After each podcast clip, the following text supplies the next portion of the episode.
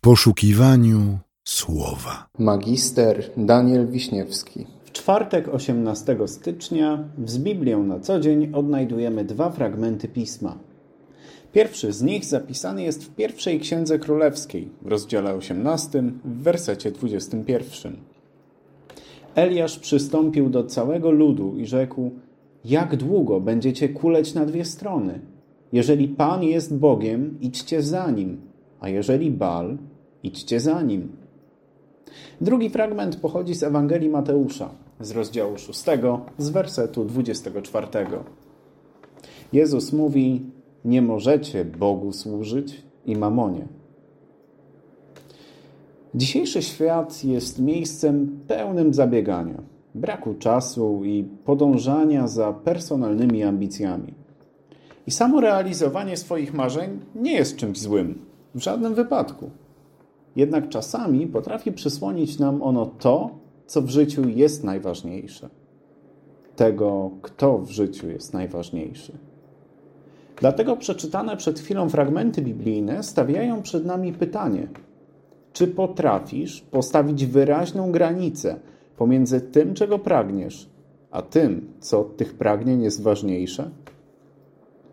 Spójrzmy na historię Eliasza z tego pierwszego fragmentu.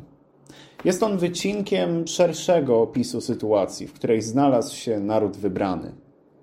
Na ziemiach, w których Izraelici zamieszkiwali, obecnych było wiele religii. Całe rzesze bóstw, z których każde zachęcało wiernych różnymi ceremoniami, bogatymi posągami oraz wymiernymi korzyściami wśród reszty społeczeństwa. Na zasadzie, że na przykład, jak wierzysz w takiego bala, to będą cię sąsiedzi traktowali z szacunkiem i tak dalej, i tak dalej. I żyjąc w takim świecie, Izraelici błądzili. Z jednej strony niby była ta wiara w Boga Najwyższego. Z drugiej jednak strony te inne kulty przyciągały ich do siebie. I tak z biegiem lat Izraelici coraz bardziej chwiali się w swojej wierze. Przechylali na stronę bóstw kananejskich. I w tym momencie pojawia się prorok, Eliasz, i przemawia do ludzi zebranych na górze Karmel. Jak długo będziecie kuleć na dwie strony? Jeżeli Pan jest Bogiem, idźcie za Nim. A jeżeli Bal, idźcie za Nim. Lecz lud nie odrzekł mu ani słowa. Rzekł więc Eliasz do ludu: Ja jeden tylko pozostałem jako prorok Pana. Proroków Baala zaś jest 450. Izraelici poważnie zabłądzili. Prawie całkowicie odrzucili swojego Boga, w zamian koncentrując się na innych bóstwach i doczesnych korzyściach. A jak jest z nami? Czy my też przypadkiem czasem się nie gubimy?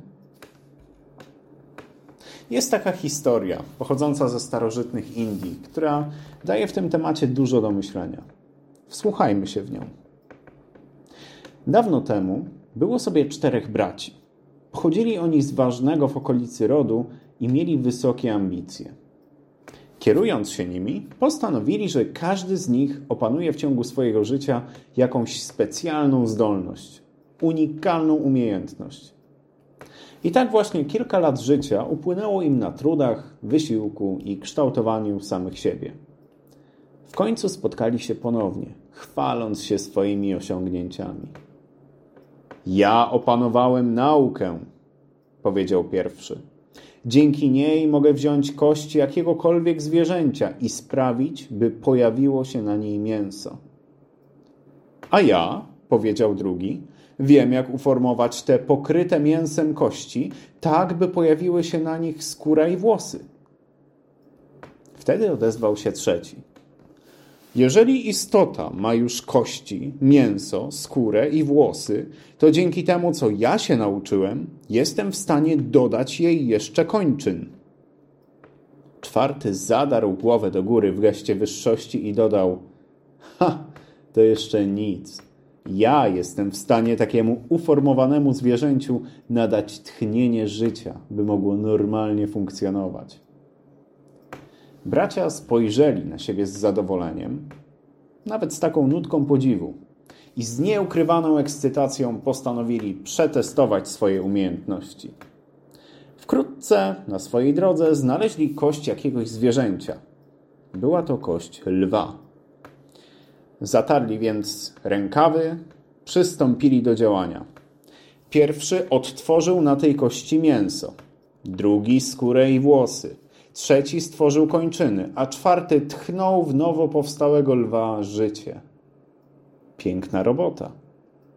Lew otworzył swoje oczy, spojrzał na swoich twórców, a następnie rzucił się na nich i zjadł. Podobnie jak i ci bracia, my też mamy niezwykłą umiejętność wytworzyć rzeczy i sytuacje, które przynoszą nam zgubę.